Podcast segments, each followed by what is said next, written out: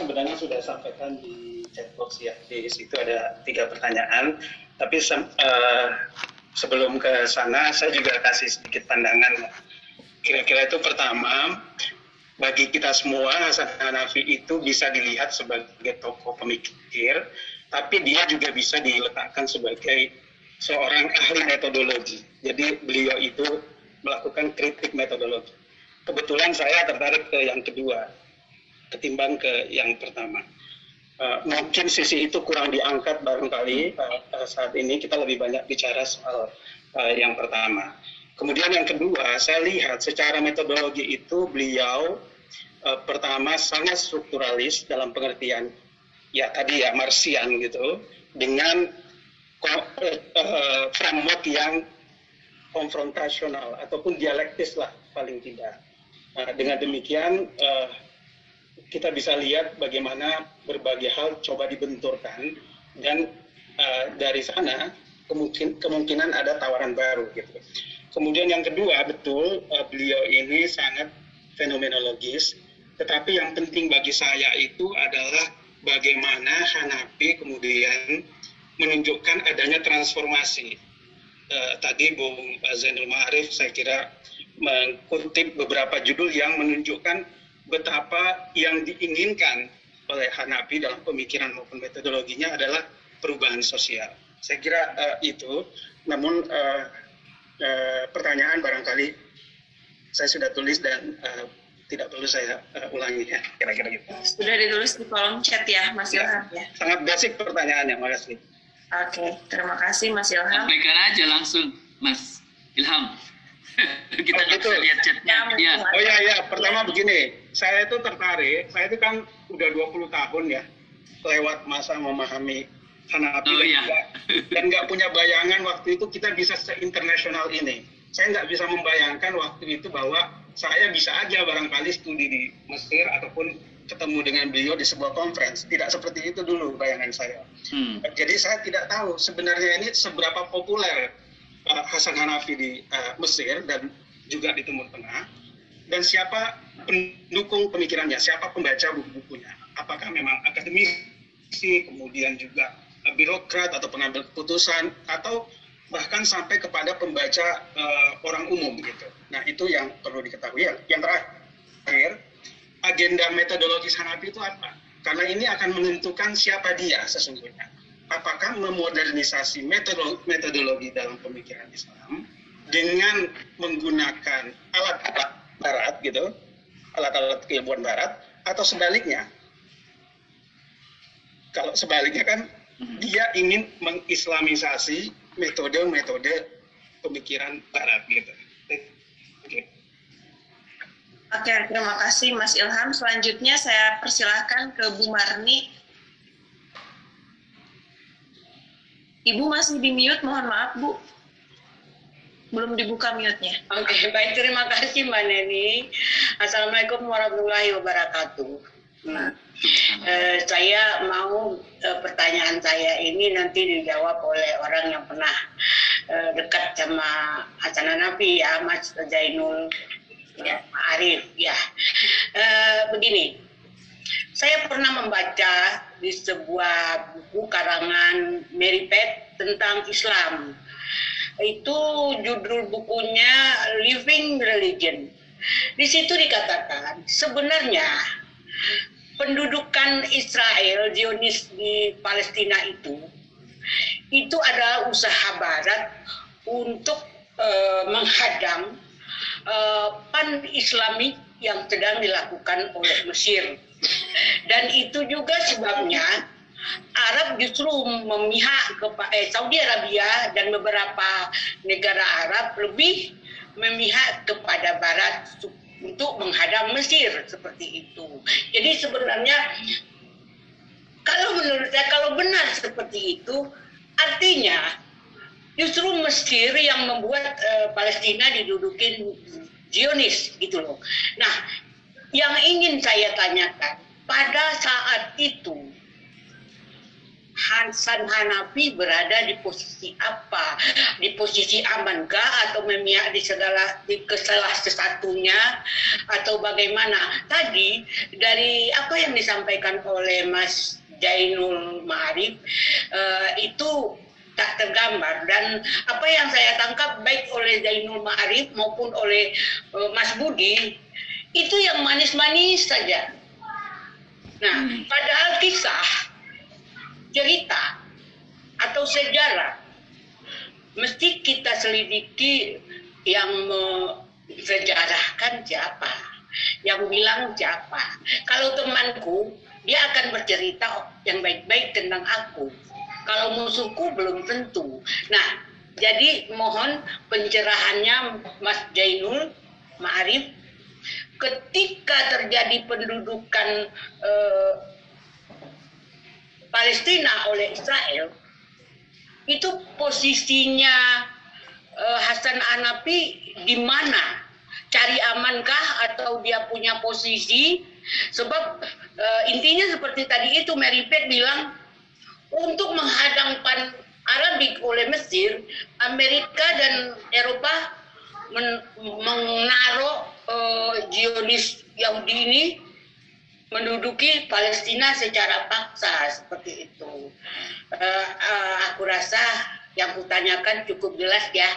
Ya, terima kasih. Ya, siap. Terima kasih, Bu Marni. Selanjutnya, Pak Dito, saya persilahkan jauh-jauh dari Taiwan ini. Uh, iya. Baik, Assalamualaikum warahmatullahi wabarakatuh.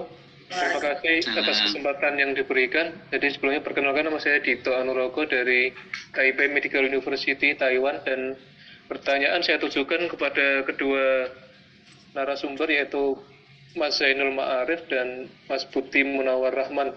Yang pertama, ini bagaimana rahasia Hanafi dapat menjadi prolifik sekaligus profetik. Kemudian yang kedua, bagaimana pemikiran Hasan Hanafi dapat mendisrupsi era digital ini. Kemudian karena ada tambahan lagi ya dua agar bisa kita uh, mendapatkan banyak pencerahan yang dua lagi yaitu sebagaimana kita ketahui kan semua isma itu sebenarnya kan mengandung kelemahan.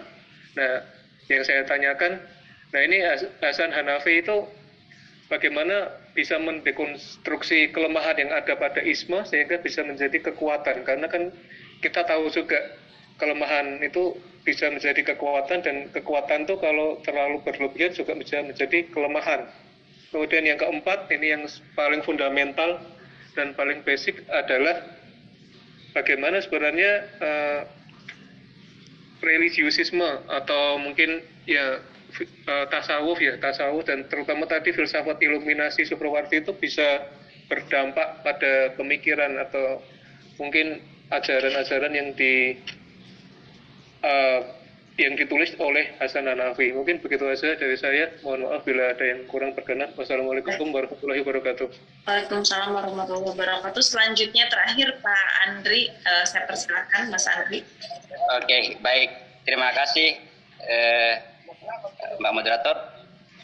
Eh, langsung saja, yang terhormat Pak Budi Munawar Rahman dan Pak Zainul Ma'arif, saya Andri Ardiansa sekarang sedang uh, studi S3 filsafat di UIN Syarif Hidayatullah Jakarta.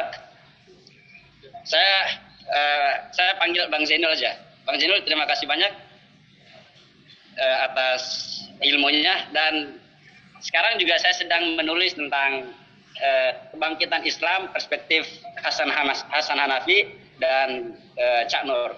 Jika Pak Budi Munur Rahman sebagai anak ideologinya Cak Nur di Indonesia dan Bang Zainul anak ideologisnya Hasan Hanafi, maka mungkin ketika saya mengerucutkan bahwa saya anak ideologisnya dari Bang Budi Munur Rahman dan Bang Zainul, kira-kira gitu.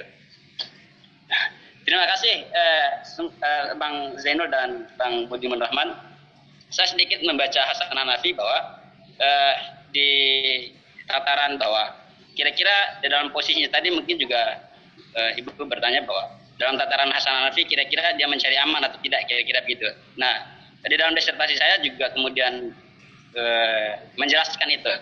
Tetapi yang ingin saya tarik kepada Hasan Hanafi bahwa beliau betul-betul melihat kalau di dalam disertasi saya bahwa kebangkitan Islam perspektif Hasan Hanafi dan Nur Khalid Majid, saya mencoba untuk mengambilnya bahwa uh, di dalam uh, apa namanya perlawanan Hasan Hanafi terhadap ideologi-ideologi uh, Barat yang di mana seolah-olah kemudian ideologi Barat ini ingin, ingin kemudian uh, menguasai uh, Islam kira-kira begitu. Nah, berbedanya dengan Canur, Canur itu kemudian hidup di masa uh, setelah pasca kemerdekaan gitu ya, sedangkan Hasan Hanafi di dalam kungkungan ideologi-ideologi Barat. Nah, yang ingin saya tanyakan pada Bang Zainul, nanti mungkin juga saya ingin minta kontaknya Bang Zainul mungkin eh, dengan banyak sekali buku-buku yang buku-buku Hasan Hanafi gitu di Bang Zainul eh, Sudi kiranya saya ingin minta tolong kepada Bang Zainul, saya juga ingin membaca banyak tentang literatur-literatur yang ditulis oleh uh, Hasan Hanafi gitu. Apa nah, Hasan Hanafi ini kira-kira Bang Zainul, uh, beliau kemarin uh, wafat gitu di hari Jumat di mana mungkin hari yang paling bahagia bagi seorang mukmin gitu ingin meninggalkan dunia ini dan saya rasa bahwa banyak sekali kontribusi Hasan Hanafi di dalam filsafat Islam baik itu melalui pemikirannya maupun uh, di dalam kontes-kontes pemikiran-pemikiran uh, ideologi pendidikan khususnya. Uh, yang ingin saya tanyakan sedikit mungkin ke Bang Zainul uh, posisi Hasan Hanafi untuk saat ini kira-kira sebagai uh, pemikir murni di dalam perlawanan ideologi Barat ataukah memang dia sudah masuk di dalam konteks barat? Karena ada juga yang mengatakan bahwa ada juga yang mengatakan bahwa Hasan Hanafi ini di satu sisi dia mengkritik barat tetapi dia mengambil ilmu barat kira-kira. Metodologinya khususnya. Nah ini yang saya lihat bahwa Hasan Hanafi seperti yang biasa kita kenal bahwa beliau eh, dengan banyak gitu ilmu atau pemikir-pemikir dari Prancis yang kemudian uh, diambil oleh Hasan Hanafi, tapi di sisi lain dia mengkritik juga ilmuwan-ilmuwan Prancis atau Eropa-Eropa Barat khususnya. Oke. Okay. Kira-kira begitu Bang Zenul dan uh, Bang Budi Rahman. Posisinya beliau untuk saat ini kira-kira. Ya. Terima Baik. kasih. Uh, selanjutnya Pak Edi saya persilahkan. Satu lagi ini ya untuk sesi uh, pertama ini. Silakan Pak Edi. Maka Iya, makasih Mbak Neni. Saya mau ke Mas Zen aja, Mas. Uh, tadi dikutip tentang Suhrawardi itu, tentang Isrokiyah ya, uh, is, iluminasi. Tapi yang saya heran, uh, Hasan Hanafi kan sering menulis di kitab eh, di koran Al-Masri Al-Yaum ya, Mesir ya. itu amat sering mengecam tasawuf. Dia mengatakan bahwa tasawuf itu lawan dari revolusi. Dan uh, lawan revol tasawuf juga revolusi. Karena uh, orang-orang tasawuf itu para sufi itu para salik itu lari dari kenyataan maka dia mengambil uh, bentuk oposisi binar ketika misalnya uh, Salahuddin Alayubi membersihkan daerah-daerah yang Suriah dan Syria dan Palestina uh, Ayubi itu membersihkan daerah-daerah yang banyak dihuni oleh kaum sufi. Karena dianggap ini menurut Hanafi karena dianggap orang-orang sufi tidak akan melakukan perlawanan terhadap tentara salib. Dia hanya mengamini ini sebuah kehendak Tuhan itu. Nah pertanyaannya bagi saya ada yang aneh dari cara berpikir Hanafi, kenapa dia mengambil pemikiran Isrokiyahnya Suhrawardi di mana Suhrawardi itu menonjolkan bahwa tidak mungkin nalar akan dicapai kalau tidak menyertakan intuisi dan dan iluminasi itu nggak akan mencapai pada satu kebenaran yang hakiki. Sementara Hasan Hanafi melihat tasawuf dalam perspektif panca indera itu dengan fakta-fakta empiris. Dalam kubu lain tasawuf itu nggak bisa dilihat dengan panca indera, tapi harus dilihat dari balik panca indera ada apa. Nah, di situlah pendekatan hati pengenalan kalbu untuk memotret tasawuf. Nah, Hasan Hanafi yang saya uh, lihat amat sering mengecam tasawuf.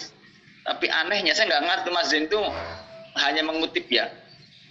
Apa yang dia dia ingat dari surah dari Surawadi sementara Surawadi menekankan pada satu jalan pada satu torik yang yang melihat bahwa seseorang itu akan masuk pada pada satu level ilahiyah kalau melalui jalan-jalan iluminasi itu, pencahayaan itu. Nah, saya ingin lebih jauh bagaimana realitas laku lampah Hasan Hanafi dalam pergumulan sehari-hari. Kenapa dia sangat berjarak dengan tasawuf? Dan tidak mungkin tasawuf didekati dengan panca indera atau pengetahuan empirik uh, seperti yang Hasan Hasan Hanafi tulis di Al-Masri Al-Yaum itu. Orang koran cukup besar di Mesir. Terima kasih Mas Jen dan Mbak Neni. Oke, terima kasih Mas Edi. Uh, saya persilahkan langsung ke Mas Jen untuk menanggapi beberapa pertanyaan, Mas Jen. Tapi kalau Mas Jen tadi tidak mencatat dan kemudian ada yang terlewat, begitu ya, pertanyaan dari dan tanggapan dari para peserta, nanti yang dibacakan. Nah ini sudah tulis semua pertanyaan dari peserta. Silakan Mas Jen. Terima kasih atas uh, pertanyaan juga tanggapannya luar biasa dan ini terlalu banyak sebenarnya. Tapi saya coba yang saya tangkap saja ya uh, satu persatu lah. Pertama terkait dengan tadi marxisme ya, marxisme Hanafi dan marxisme. Apakah ada? Dulu saya waktu uh, waktu menulis sebentar, uh, saya saya biar keluar mana ya. Dulu waktu saya menulis buku dekonstruksi Islam elaborasi dunia Hanafi, saya uh, menyatakan bahwa uh, seperti yang tadi Mas Budi juga nyatakan dan beberapa kawan tentang Marxisme ya, yang bahwa struktur uh, internal uh, Hanafi itu Islam, Marxis, humanis, uh, histori, uh, Islam, Marxisme, humanisme dan historisisme. Dulu saya menyatakan gitu. Artinya Marxisme saya juga menyatakan sepertinya Hanafi itu Marxian nih, itu. Tapi ternyata ketika saya membaca uh, Hanafi, ternyata enggak. Hanafi itu uh, di sirah datiahnya ya, di autobiografinya dia menyatakan bukan yang menginspirasi dia adalah Ilian muda. Ya, jadi Hanafi utamanya adalah Fiur Bakhir. Ya, makanya kenapa dia menulis uh, Minal Akidah ila Taurah dari uh, dari teologi menuju revolusi ya itu uh, uh, modelnya adalah Fiur Bakhir ya uh, seperti Fiorbah. Fiorbah itu kan uh, menyatakan tentang aliniasi. Orang bertuhan itu kan menurut dia teraliniasi. Kita menyatakan bahwa uh, ada yang maha benar, maha baik, maha hal-hal yang ideal itu kita berikan kepada hal yang antah berantah dan kita sembah semacam itu. Padahal uh, seharusnya yang ideal itu kembali ke kita. Nah, itu Hanafi juga sama. Uh, apa namanya alih-alih hanya menyatakan wujud kidam bapak mukhalafatul hadis itu wujud Man, kalau Tuhan itu wujud, kita juga wujud gitu. Mukhalafatul hawadisi kita harus membeda dari yang lain dan seterusnya. Intinya yang ingin saya katakan Hanafi itu bukan uh, dari catatannya Hanafi sendiri ya, dia bukan Marxian tapi lebih ke Hegelian muda itu pernyataan Hanafi sendiri. Kemudian uh, tentang uh, apa ya? Ini yang saya mungkin saya loncat-loncat ini ya. Kedua, uh, tadi Mas Budi menyatakan nangkiri Islam, sementara saya bicara tentang uh, tradisi dan pembaruan. Memang uh, Hanafi dalam hal ini proyek pemikiran besarnya itu uh, disebut dengan tiga nama. Ya, pertama kiri Islam, ya, dan itu terkenal mulai betul tadi oh, mulai tahun 81. Jadi jurnal Al Yasar Al Islami itu terbit pertama kali tahun 81 uh, kiri Islam. Kemudian disebut juga dengan uh, Aturos Tajdid, tradisi dan pembaruan. Kemudian Maukif Hadori, sikap peradaban. Uh, uh, tapi itu tiga-tiganya sama sebenarnya. Pertama menyikapi tradisi dengan merekonstruksinya, kedua menyikapi Barat dengan me melakukan uh, kajian Oksidental, uh, mengkritik Barat, kemudian uh, apa namanya menyikapi uh, realitas dengan memunculkan metode uh, pemikiran yang uh, metode pemikiran dalam hal ini utamanya adalah uh, apa uh, hermeneutika fenomenologis ya. Kemudian uh, tentang popularitas tadi yang Mas Ilham tanyakan, jauh mana popularitas Hanafi itu uh, memang uh, selama saya di sana saya memperhatikan Hanafi utamanya memang uh, populer di kalangan kaum intelektual, kaum filsuf itu dia sangat sangat berpengaruh ya.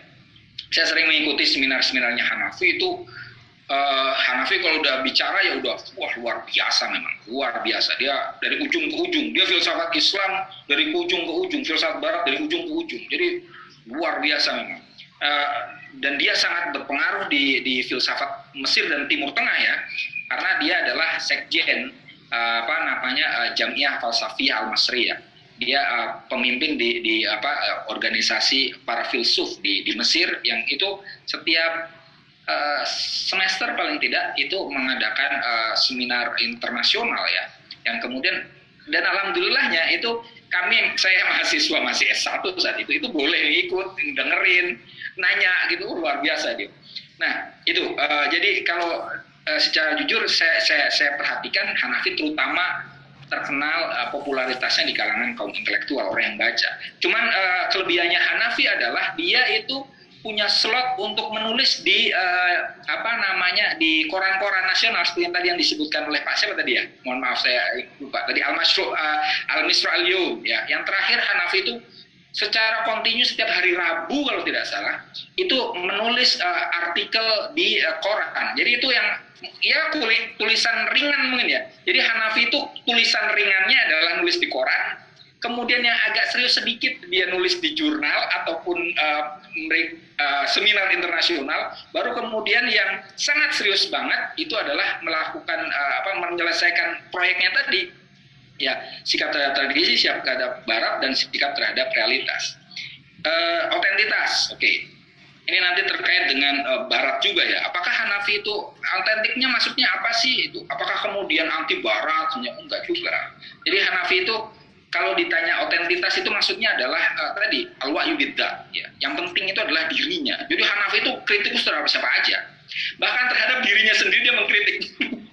itu kawan-kawan kalau membaca buku-buku Hanafi, itu dia selalu mengkritik bukunya sendiri. Contohnya misalnya gini, buku um, Min, Minal Aqidah Taurah itu kan uh, karya Hanafi yang merekonstruksi uh, uh, apa tradisi Islam yang pertama ya. Uh, setelah dia menulis Turas wa Tajdid, dia menulis Minal Aqidah Surah yang lima jilid tadi tentang teologi Islam. Nah kemudian setelah itu dia menulis Nanakal Ibda dari uh, dari penukilan menuju penciptaan itu tentang filsafat Islam. Di awal uh, bab di bab pertama buku Minan Nakal Ibda itu dia mengkritik sendiri buku dia yang pertama. Jadi gitu ada, bahwa ada yang kurang deh. Jadi Hanafi itu kritikus dalam segalanya, bahkan terhadap dirinya sendiri dia otokritiknya kuat ya. Jadi uh, auto apa uh, ya, dia intinya uh, apa namanya yang disebut otentitasnya itu ya berangkat dari diri dan selalu siap untuk mengkritik bahkan diri sendiri juga dikritik kalau keliru ya. Atau kurang. Nah uh, ini terkait dengan tadi ya uh, apa namanya uh, dia mengkritik itu kemudian uh, dan kemudian larinya ke ke apa namanya barat dan seterusnya. Itu basicnya sebenarnya uh, kalimat tauhid. La ilaha illallah gitu. la ilaha illallah. Tiada Tuhan. Negasi dulu baru illallah. Jadi Hanafi itu memang menolak berbagai hal. Maka seperti misalnya uh, yang tempo hari saya sampaikan ke Mas Budi juga terkait dengan uh, definisi filsafat itu. Itu Hanafi mengkritik dulu definisi-definisi filsafat yang ada, baru dia mengafirmasi satu kayak gitu. Jadi dia memang uh, waktu saya menulis post oksidentalisme itu sebenarnya kan Hanafi menulis tentang diri dan lian, aku dan yang lain. Liannya itu siapa? Dirinya itu siapa? akunya itu siapa? Itu akunya itu pertama ada timur, ada Islam, ada dunia ketiga, dan ada Hanafi sendiri. Gitu. Jadi uh, dan liannya itu siapa? Ya Barat, ya Oksidentalis selain Hanafi gitu, uh, orang selain Hanafi. Jadi memang semacam itu dia dia intinya kritik kritis betul ya. Kemudian uh, terkait dengan kritik tadi ya, memang betul uh, Mas Ilham tadi bilang uh, menyatakan tentang Hanafi itu apa melakukan kritik ideolo, uh, uh, metodologi tidak ya betul. Hanafi waktu uh, masih di Sorbong itu dia uh, apa namanya pertama-tama dia ingin menulis tentang uh, merekonstruksi metode pemikiran Islam, tapi kemudian ditolak oleh uh, promotornya. Ini tulisan ini kalau kamu udah udah udah umur di atas 50 semacam itu. Artinya udah selesai semua.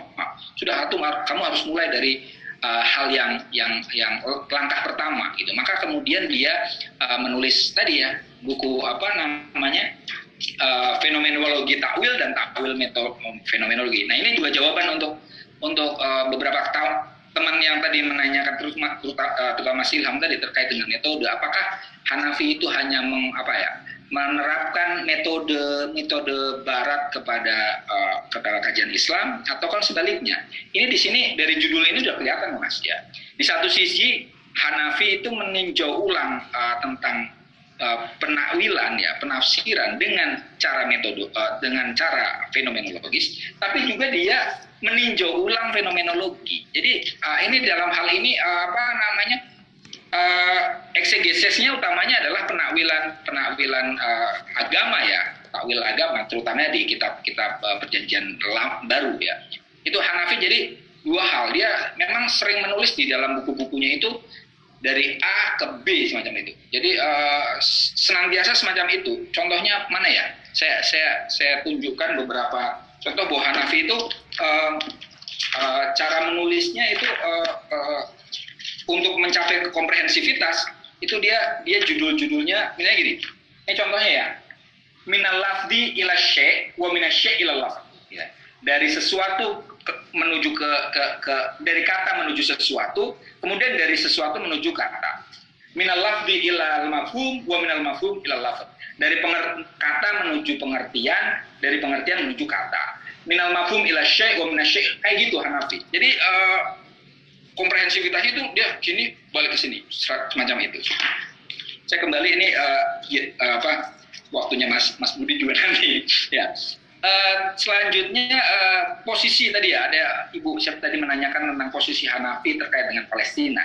Hanafi itu uh, di di apa namanya di siroh datiahnya tadi ya di autobiografinya itu menyatakan di bahwa uh, hal yang menjadikan dia mempunyai kesadaran nasional itu adalah tahun 1940 47 nggak salah 47 ketika Palestina kemudian di, di, dijajah semacam itu itu dia uh, di di di uh, di sirah datiahnya itu menyatakan bahwa uh, apa namanya uh, sampai ya sampai beliau meninggal itu memang uh, konsentrasinya adalah membela Palestina semacam itu membela Palestina dan Israel satu lima dua itu. Lima satu mas. Gimana tahun lima satu tuh. Lima satu ya? Maaf pak. Bukan uh, yang awalnya bang ini karena til bidayah al hakikiyah ini di uh, uh, al islamiyah ya. Wa karena til bidayah al hakikiyah permulaan yang yang sesungguhnya lil wa'yal watoni dari kesadaran uh, kesadaran nasional. Akna harbi Palestin ketika perang Palestina di uh, uh, di tahun 1948 itu. Jadi ini dia waktu masih kecil. Dan itu kemudian dia ikut uh, apa namanya sempat ikut perang. Jadi awal-awal ini dia ikut mau perang padahal dia masih kecil tapi kemudian dilarang karena dia masih kecil semacam itu.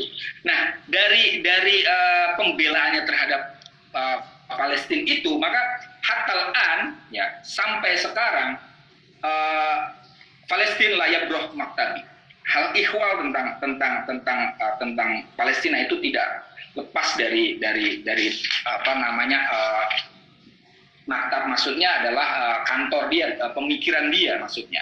Wal ardu tahawat benisbahli ilah ilah. Jadi tanah menjadi Tuhan baru baginya. Kemudian dia wamin uh, min ini ya badat ladaya afkar lahut ar. Dan dari situ dia memunculkan teologi tanah yang tadi disebut oleh Mas Budi tadi. Teologi tanah itu muncul dari mulai dia dia uh, masih kecil itu, Pak Uh, jadi uh, ketika Palestina mulai di, uh, di, dikuasai oleh Inggris dan kemudian Inggris menyerahkannya ke, ke kaum Zionis itu Hanafi kemudian memunculkan teologi tanah itu gara-gara itu. Kemudian uh, prolifik tadi ya ada pertanyaan bagaimana Hanafi kok bisa prolifik begitu? Uh, uh, yang jelas dia pembaca yang luar biasa, membacanya kuat betul, sangat kuat dan kemudian uh, ada satu ayat di Al-Quran itu kan yas alunakaan gitu. Yas alunakaan jadi Hanafi itu memposisikan uh, Al-Quran itu seperti seperti itu wahyu untuk dia gitu. Ketika uh, sebenarnya kan itu kan yas alunakaan orang-orang bertanya kepadamu munya kan Nabi Muhammad kan? An tentang apa gitu. Yas alunaka anil anfal sebenarnya itu kan. Tapi Hanafi itu kemudian membayangkan orang-orang itu bertanya tentang kepada dirinya maka kemudian dia merespon. Dan itu dia terus-terusan uh, menulis dengan itu. Kemudian tentang uh, uh, apa tadi tentang uh, iluminasi ya. Hanafi dan uh, tasawuf ya secara uh, atau kemudian dengan dengan Sufrawardi. Bagaimana relasi Hanafi dengan tasawuf? Uh, uh, kemudian bagaimana han, relasi Hanafi dengan dengan Sufrawardi? Kalau dengan Sufrawardi utamanya yang penting bagi Hanafi adalah intuisinya. Ya, Hanafi itu memang dia menyatakan dia lebih penting bagi dia itu intuisi, syukur, ya, uh, wayun gitu. Rasio itu justru di bawahnya di bawahnya uh, syukur semacam itu. Nah sejauh uh, apa namanya ya uh, siapa namanya uh, Suhrawardi itu seorang intuisionis dan Hanafi itu cenderung intuisionis juga, maka Hanafi mengapresiasi uh, Suhrawardi semacam itu. Tapi terkait dengan tasawuf, Hanafi mirip dengan kaum modernis Islam seperti Abu, Afghani dan semacam itu bahwa tasawuf itu me, apa namanya uh, menjadikan orang orang Islam itu mundur karena wis nerimo nerimo ing pandung kalau orang Jawanya semacam itu. Nah, maka ketika Hanafi menulis minal uh, tentang tasawuf yang dua jilid yang saya tadi sebutkan, dia judulnya adalah Minal Fana Ilal Bako. Dari kefanaan menuju uh, bako itu keabadian. Jadi alih-alih fana menyatu dengan Tuhan, yang penting apa? Bako fil ardi, tetap ada di bumi semacam itu. Jadi Hanafi itu daripada ngawang-ngawang ngomongin soal Tuhan, ngomongin soal sama tadi di bu, di pembukaan buku uh, apa namanya uh, uh, Minal Aqidah ila yang terang teologi itu Hanafi menyatakan gini, daripada menyebutkan Bismillah, dia ngomongnya Bismillah. Daripada mengatakan dengan nama Tuhan, dia menyebutkan dengan nama tanah saja gitu. Memang itu wah, yang tadi yang disebut Mas Budi radikal itu di situ. Dan karena buku itu Hanafi sempat sempat mau dibunuh dulu oleh Azhar sempat dikafirkan tapi alhamdulillah entah gimana ceritanya beliau aman. Sementara Nasr Hamid Abu Zaid itu uh, celaka akhirnya apa namanya uh, diminta untuk cerai segala karena dianggap kafir. Hanafi aman itu karena Hanafi memang argumennya banyak betul. Sementara Nasr Hamid Abu Zaid itu masih muridnya Hanafi gitu. Jadi kalah kalah awu lah kalau orang Jawanya bilang. Di Hanafi itu tadi ya terkait dengan tasawuf Hanafi secara umum itu memang uh, berusaha untuk membalik bukan cuma tasawuf seperti saya baru bilang, ilmu kalam pun dibalik oleh dia. Tidak sekedar yakin, tapi harus merevolusi diri. Tadi kan dari akidah menuju revolusi. Tidak di filsafatnya apa? Minan nakal ilal ibda. Tidak hanya menukil, mengutip dari filsuf Islam, mengutip dari filsuf Barat atau dari filsuf mana pun, tapi yang penting apa? Ibda, berkreasi itu uh, di apa namanya di uh, di disertasi saya saya saya tulis tentang maksud uh, bagaimana berkreasi dalam filsafat uh, uh, tapi saya, saya tidak sampaikan di sini.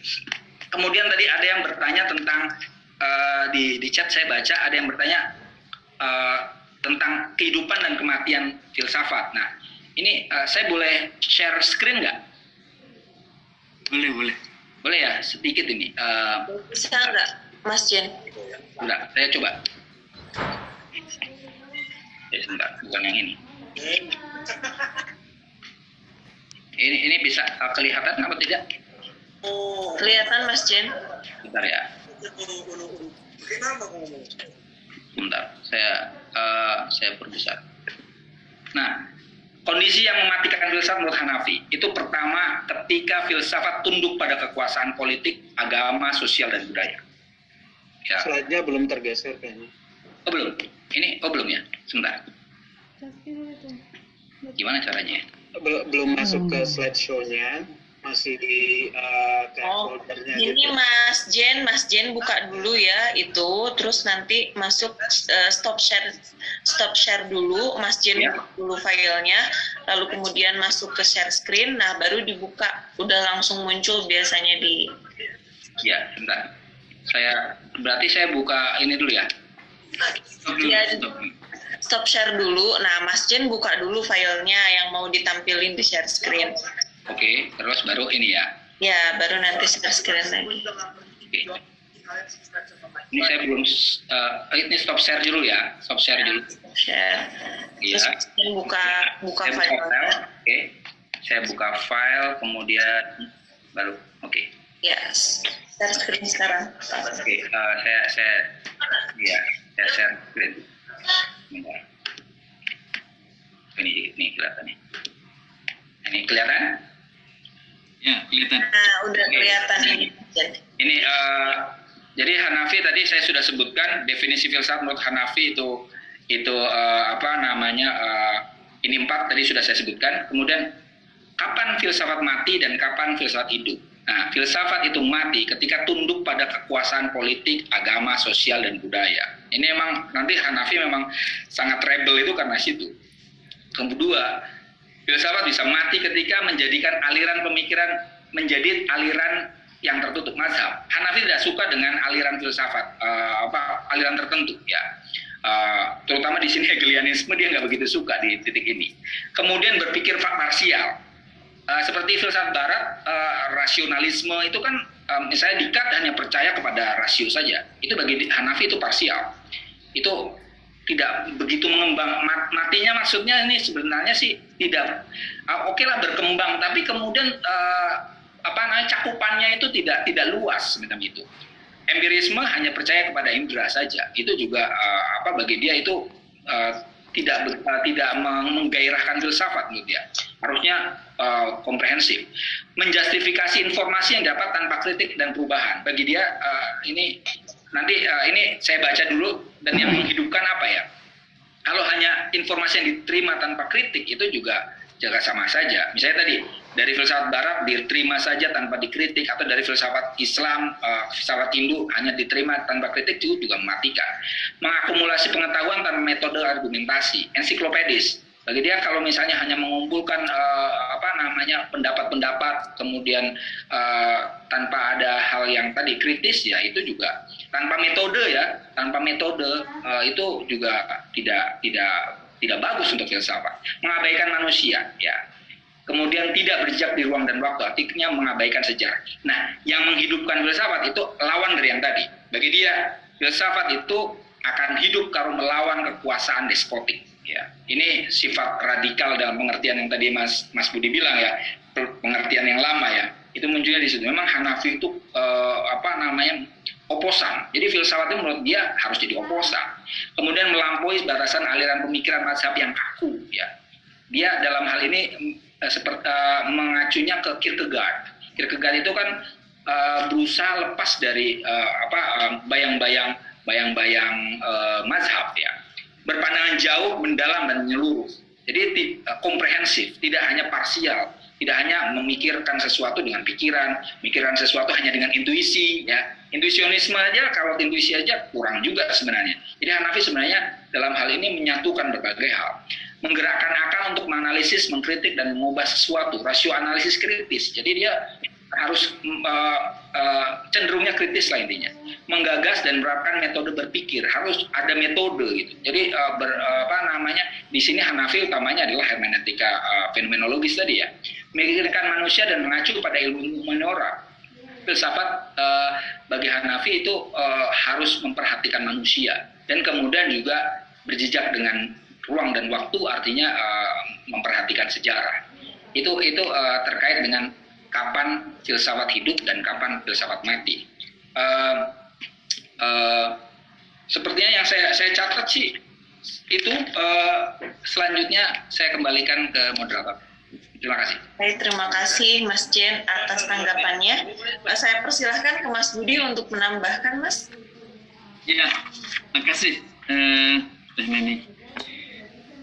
Uh, saya menambahkan sedikit saja, jadi pertama tentang Ibu Marni ya soal pendudukan Israel itu saya kira memang ini persoalan yang sangat pelik ya, sangat kompleks dan telah menimbulkan uh, emosi atau menimbulkan suatu apa ya? Jadi uh, perasaan yang bercampur macam-macam begitu yang pro kontranya yang keras sekali. Uh, tapi kalau lihat posisi Hasan Hanafi saya kira kalau lihat garis pemikirannya ya konsistensi dalam pemikirannya tadi sudah digambarkan dan dicarikan teksnya juga oleh uh, Mas Zen saya kira dia memihak ke mana itu sangat jelas bahwa dia memihak uh, kepada yang tertindas nah jadi itu memang memang khasnya Hasan Hanafi dan Hasan Hanafi betul-betul memikirkan bagaimana uh, kaum tertindas ini bisa mendapatkan pembebasannya. Nah, kata pembebasan itu kata yang sangat penting pada Hasan Hanafi. Um, dan dan soal Israel ini memang soal Palestina Israel ini memang soal yang pelik karena ini dilatar belakangi oleh suatu rasa bersalah ya.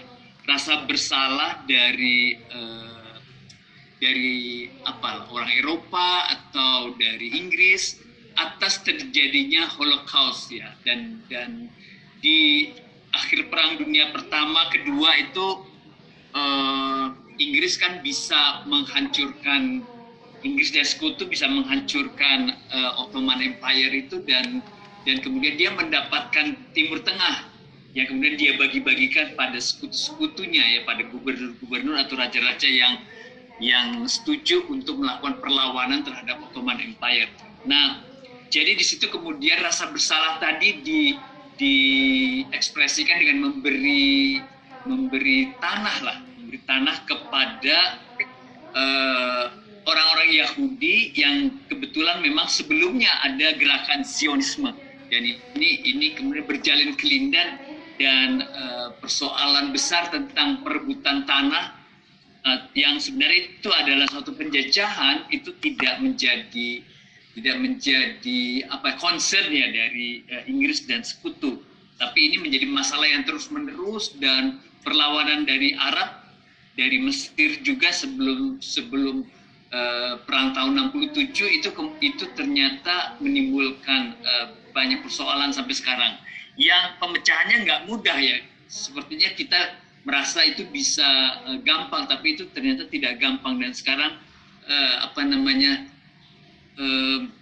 sekarang sebenarnya kompromi-kompromi sedang berlangsung seperti apa ke depannya saya kurang tahu tapi yang pasti posisi Hasan Hanafi dia ada dalam berpihak kepada uh, Palestina itu sudah pasti.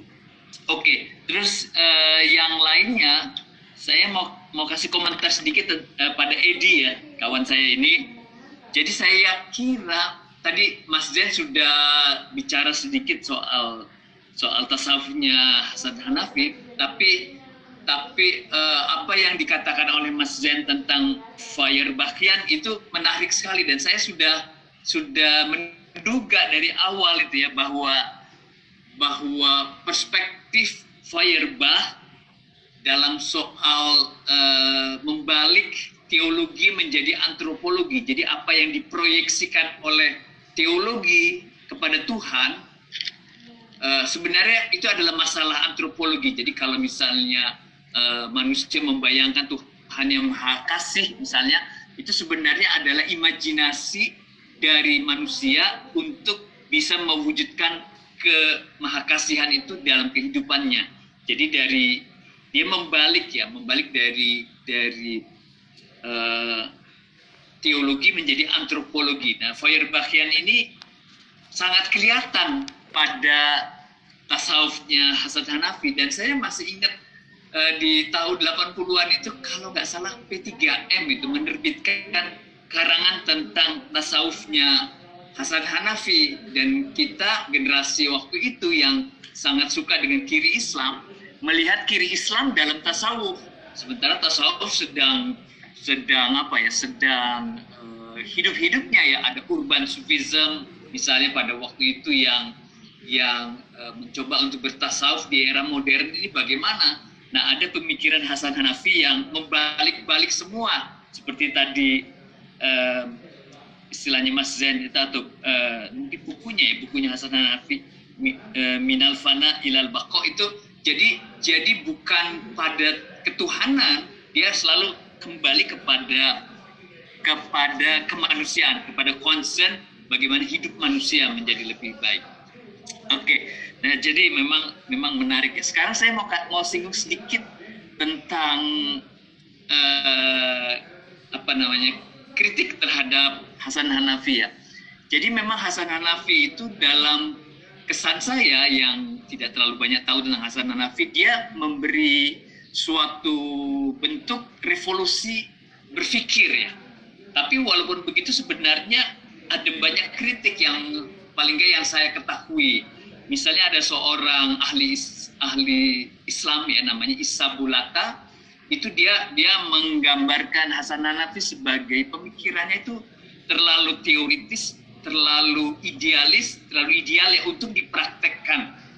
Jadi rekonstruksi yang diusahakan oleh Hasan Hanafi itu masih dalam apa bayang-bayang atau aroma romantisisme sehingga nggak membumi gitu loh. Dan uh, saya nggak tahu uh, kenapa Bulata itu mengkritik seperti itu. Tapi dalam dalam uh, tangkapan dari teman-teman aktivis tahun 80-an di Indonesia kita melihat Hanafi itu sangat membumi. Tapi dia melihat Bulata ini melihat sebagai uh, romantis ya romantisisme dan tidak membumi dan juga Bulata nggak yakin bahwa pikiran-pikiran Hanafi itu bisa bisa mengubah eh, apa mengubah eh, dunia Islam ya.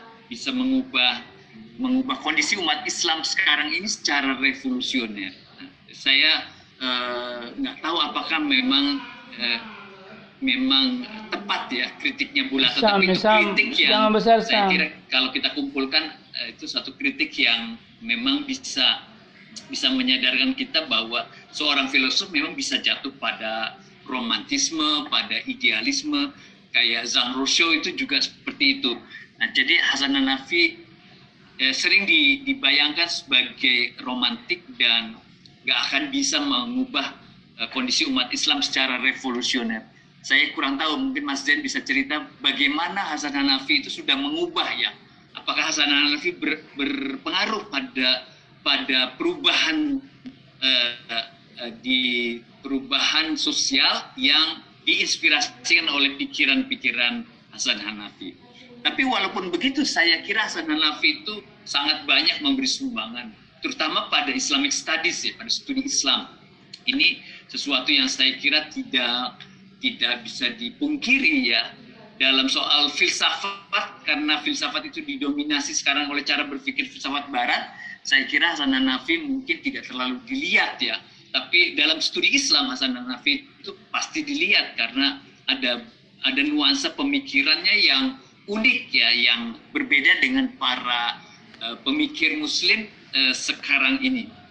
Nah salah satunya yang paling menarik itu dalam konteks uh, studi Islam, Islam dalam arti yang luas ya, dalam arti bagaimana bagaimana Islam di di dalam suatu dunia sekarang ini, dunia yang didominasi oleh uh, oleh Barat begitu, gagasan tentang desentralisasi ya, mungkin saya pakai istilah itu, desentralisasi dari dominasi Barat melalui pemikirannya tentang oksidentalisme yang dia perhadapkan dengan orientalisme ini sesuatu yang pasti menarik ya. Pasti menarik. Saya masih ingat kata oksidentalisme itu pernah dibicarakan panjang lebar di para Madinah dengan Cak Nur sampai akhirnya uh, kita sepakat bahwa kita perlu membuat kajian oksidentalisme dalam suatu klub kajian agama ya. Dan kemudian muncullah satu uh, tema tentang oksidentalisme. Saya lupa sekarang siapa yang bicara pada waktu itu dan dan gagasan siapa yang dipakai mungkin Hasan Hanafi tapi saya lupa sekarang. Dan bagaimana Cak Nur bicara mengenai oksidentalisme saya agak lupa sekarang. Tapi kira-kira ini adalah kegelisahan ya dan ratapannya Hasan Hanafi ratapan intelektualnya atas uh, mengglobalnya kebudayaan barat yang telah menjadi standar kebenaran universal dalam setiap dimensi kehidupan kita sekarang ini Nah, eh, jadi apa yang disebut dengan norma-norma internasional baru yang kita kagumi bagi Hasan Hanafi, saya kira itu perlu dilihat kembali. Saya sendiri sekarang masih belum jelas ya, mungkin Mas Zen bisa kemukakan juga di sini. Pandangan Hasan Hanafi tentang demokrasi bagaimana? Pandangan Hasan Hanafi tentang hak asasi manusia bagaimana? Pandangan dia tentang uh, pluralisme, civic pluralism, terutama dalam soal sosialnya, dan juga isu gender bagaimana. Saya belum dapat itu gambaran itu. Itu adalah norma-norma internasional baru yang menjadi buah dari pemikiran barat yang buat Hasan Hanafi itu perlu didesentralisasi, perlu di um, di apa dikembangkan uh, dalam dalam kritik oksidentalisme ya kepada pembebasan. Nah, kata pembebasan ini kata yang sangat penting pada Hasan Hanafi karena dia memang mau melakukan pembebasan dari segala bentuk bagaimana Barat atau Orientalisme itu telah memandang yang lain. Nah, tadi juga sudah disebut oleh uh, Mas Zen tentang lian itu ya, karena uh, Barat Oksidentalismenya itu telah melihat yang lain itu sebagai uh, subjek ya, sebagai kajian dalam orientalisme. Uh, di mana beda antara Hasan Hanafi dengan Edward Said? Nah itu juga menarik untuk dilihat. Saya sendiri nggak pernah memikirkan itu, tapi tiba-tiba muncul oh karena dia uh, mengkritik orientalisme itu sebenarnya sama dengan Edward Said orang Palestina yang mengkritik orientalisme. Tapi bedanya di mana? Mungkin Mas Zen bisa cerita nanti dan dia ingin menjadikan pihak lain itu yang lian itu timur dunia Islam itu sebagai objek dan itu berarti sebagai sebagai objek menjadi objek ya. Itu uh, objek yang yang tentu di sini netral kan. Hasan Hanafi sudah di di apa ya sudah dia punya visi tidak mau mendominasi. Jadi tidak kemudian dengan oksidentalisme melakukan dominasi lagi terhadap orientalisme terhadap eh sorry dengan oksidentalisme studi terhadap barat kemudian melakukan dominasi terhadap barat. Tidak begitu karena buat dia sebenarnya liberation atau pembebasan itu merupakan hal yang penting sehingga sehingga uh, ego yang muncul dari studi ini bukan untuk uh, mendominasi. Saya kira uh, apa namanya banyak hal dari Hasan Hanafi yang bisa kita lihat kembali ya dan biasanya kan uh, di, dalam sastra kita punya punya pandangan kalau seorang pemikir sudah mati maka pemikirannya boleh di di apa di dikritik karena dia sudah selesai sehingga kemudian kemudian kita bisa sebenarnya melihat kembali ini sebenarnya momen yang sangat bagus ya forum ini sangat bagus terima kasih Mas Zen sudah memberi inspirasi banyak ya buat kita tapi ini sangat bagus kita untuk melihat kembali gagasan dari seorang tokoh yang uh, luar biasa ya, yang saya kira dia juga bisa mempengaruhi pemikiran Islam di Indonesia. Terima kasih. Tadi ini saya berhenti di sini.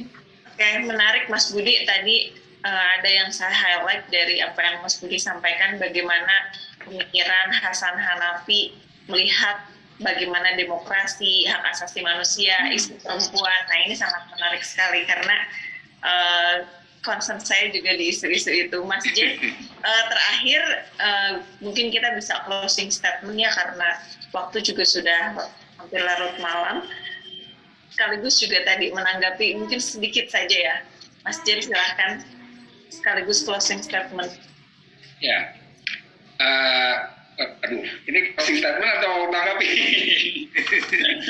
Nanggapi sekaligus closing statement Mas J. Oke, okay, uh, terkait dengan tanggapan ter, uh, tadi uh, Mas Budi uh, me, membicarakan tentang Edward Said dan uh, siapa Hanafi ya itu um, di buku uh, di buku Mina, uh, Muqaddimah fi Ilmi itu Hanafi menyebutkan bahwa apa perbedaannya dia dengan uh, karena uh, tulisan Edward Said terbit duluan ya daripada Muqaddimah itu. Ya kemudian apa bedanya itu karena menurut Hanafi uh, Edward Said konsentrasinya lebih ke apa kajian budaya dan sastra. Nah, sementara oksidentalisme itu konsentrasinya di filsafat semacam hmm. itu. Mungkin uh, hal itu juga sama Mas. Ter, uh, uh, yang mengkaji Hanafi banyak seperti tadi Mas Andri dan seterusnya. Tapi biasanya orang mengkaji Hanafi itu secara umum itu ya dalam kajian keislamannya, ya kan? Hmm. Islam, kemudian Mana uh, itu makan? tradisi dan seterusnya. Kemudian atau oksidentalisme. Oh, saya pas S2 tadi saya menulis oksidental. Yang saya perhatikan ya. justru nah, kasih siapa, uh, filsafat Hanafi oh. itu belum dibahas. Dunia ini pembacaan saya hanya dua buku yang memba, memba, me, me, apa, berjudul filsafat dan itu pun tidak secara komprehensif membahas Hanafi. Maka uh, itu yang menjadi headline saya. Artinya tadi tentang uh, perbedaan uh, apa namanya Edward Said dengan Hanafi adalah di titik itu. Hanafi cenderung filosofis, membahas hal yang filsafat, mengkritik filsafat Barat, sementara Orientalisme uh, karya Edward Said itu ke sastra, ke budaya dan seterusnya. Kemudian tadi apa lagi ya? Nah, uh, mungkin closing statement saja ya. Uh, dalam hal ini saya ucapkan banyak terima kasih dan apa yang bisa kita pelajari. Oh ya, sebelum ke closing statement ada saya yang baru ingat ini. Tadi uh, terkait pertanyaan pengaruh Hanafi ke, Mas, ke Mesir seperti apa semacam itu. Uh, sebagaimana pengaruh Hanafi ke Indonesia seperti apa. Terus terang saya tidak tidak mempelajari hal itu ya karena itu uh, kajian sosiologis kan ya pengaruh uh, pemikiran kepada masyarakat semacam itu. Uh, saya konsentrasinya memang di di sisi akademisnya Hanafi uh, gagasannya semacam itu. Jadi uh, mungkin itu juga bisa jadi kajian tersendiri juga itu Mas Budi. Uh, bagaimana Hanafi tadi ya pengaruh Hanafi terhadap LSM itu menurut saya kalau di Indonesia bisa sepe, seberpengaruh itu seperti yang diungkapkan oleh Mas Budi, di Mesir seperti apa? Itu terus terang saya saya tidak tahu itu. Ya, saya, sepengetahuan saya beliau berpengaruh di kajian filsafat dan kajian hmm. intelektual hmm. itu. Tapi LSM Mesir, uh, I don't know. Saya nggak tahu pasti tentang itu. Nah, uh, terakhir uh, hal yang bisa kita pelajari dari Hanafi adalah tadi dia sebagai filsuf uh, dan sebagai pemikir adalah orang yang prolific ya itu satu hal yang uh, kita semua di Elsaf ini ya mengkaji-kaji filsafat artinya ya menulislah sebanyak mungkin tapi sefilosofis mungkin tentu saja. Dan kalau memungkinkan tadi tidak hanya menukil tapi juga berkreasi gitu. Jadi kalau kita hanya uh, hanya hanya meng, meng, menukil saja itu ya itu belum belum mencapai keotentitas gagasan. Seharusnya tidak hanya menukil tapi juga berkreasi. Itu juga terkait dengan tadi Hanafi apakah dia anti barat? Menolak barat ya tidak 100%. Dia uh, sebagaimana tradisi tidak ditolak semuanya. Karena kalau menolak tradisi semuanya ya itu konyol. Karena ada hal yang bagus di dalam tradisi. Apakah menolak barat semuanya? Ya tidak. Jadi apa ada ada yang tetap diper, per, apa, apa, diambil oleh Hanafi dan dikembangkan. Hal-hal yang bagus di Barat juga tetap dikembangkan gitu. Jadi ya jangan dibayangkan ketika Hanafi mem, membuat oksidentalisme kemudian dia anti Barat dan seperti orang Salafi keliru ya. Itu memang sebagian orang di di Mesir pun ada satu buku khusus kumpulan makalah yang mengkritik Hanafi judulnya Jadal al-Ana wal, wal Akhor itu mengkritik Hanafi itu ada sebagian mengatakan itu bahwa uh, Hanafi itu apa namanya mengkritik Barat dengan Barat semacam itu. Ya padahal ya tadi uh, Hanafi tidak anti Barat 100%, juga dia tidak anti tradisi secara persen, tidak anti realitas secara persen. Jadi ada realitas yang harus di, di, dipertahankan dan ada yang harus dikritik. Begitu juga tradisi, ada yang perlu dikritik, ada yang ada yang bisa diambil. Barat juga semacam itu, ada yang bisa diambil, ada yang harus dikritik semacam itu. Jadi tidak tidak menolak secara keseluruhan atau menerima keseluruhan. Itu bukan yang dilakukan oleh Hanafi. Terima kasih atas kesempatannya. Mohon maaf atau kalau saya kelebihan kata. Terima kasih. Terima kasih Mas Jen atas pencerahan malam hari ini sangat luar biasa sekali kepada kita semua. Terima kasih atas waktu dan kesempatannya tadi sebenarnya menarik ya bicara soal kekritisan ternyata Mas Jen juga kan melakukan kritik terhadap pemikiran Hanafi itu sendiri di tesisnya. Uh, terima kasih Mas Jen, semoga di lain kesempatan kita bisa bersilaturahim kembali dan bisa berdiskusi. Tentu pemikiran Hanafi juga pemikiran-pemikiran filsuf lainnya secara lebih mendalam dan menukik karena ini penting begitu ya apalagi buat anak-anak muda seperti saya ini harus meleknya terhadap filsafat. Selanjutnya saya persilahkan Mas Budi untuk closing statement. Wah, ya, makasih Teh Neni. Uh, tentu saya harus mengucapkan terima kasih dulu pada Mas Zen ya, karena uh, Mas Zen sudah memberi apa ya, menghidupkanlah forum kita ini sehingga kita menjadi sangat semangat dalam belajar filsafat ya. Dan uh, kita mendapatkan satu sajian tentang seorang tokoh filosof Mesir yang luar biasa ya. Dan Mas Zain sangat menguasai kita sangat kagum ya Mas Zain sangat menguasai. Dan kita mendapatkan banyak uh, apa namanya banyak inspirasi lah dari situ Nah, mudah-mudahan ini bisa menjadi model ya dalam uh, forum kajian kita yang uh, kita apa berusaha untuk bagaimana bisa filsafat itu menjadi bagian dari wacana kita di Indonesia. Uh, terima kasih sekali lagi, Mas Zen. Sama-sama. Terima kasih Ya. semuanya. Terima kasih. Terima kasih.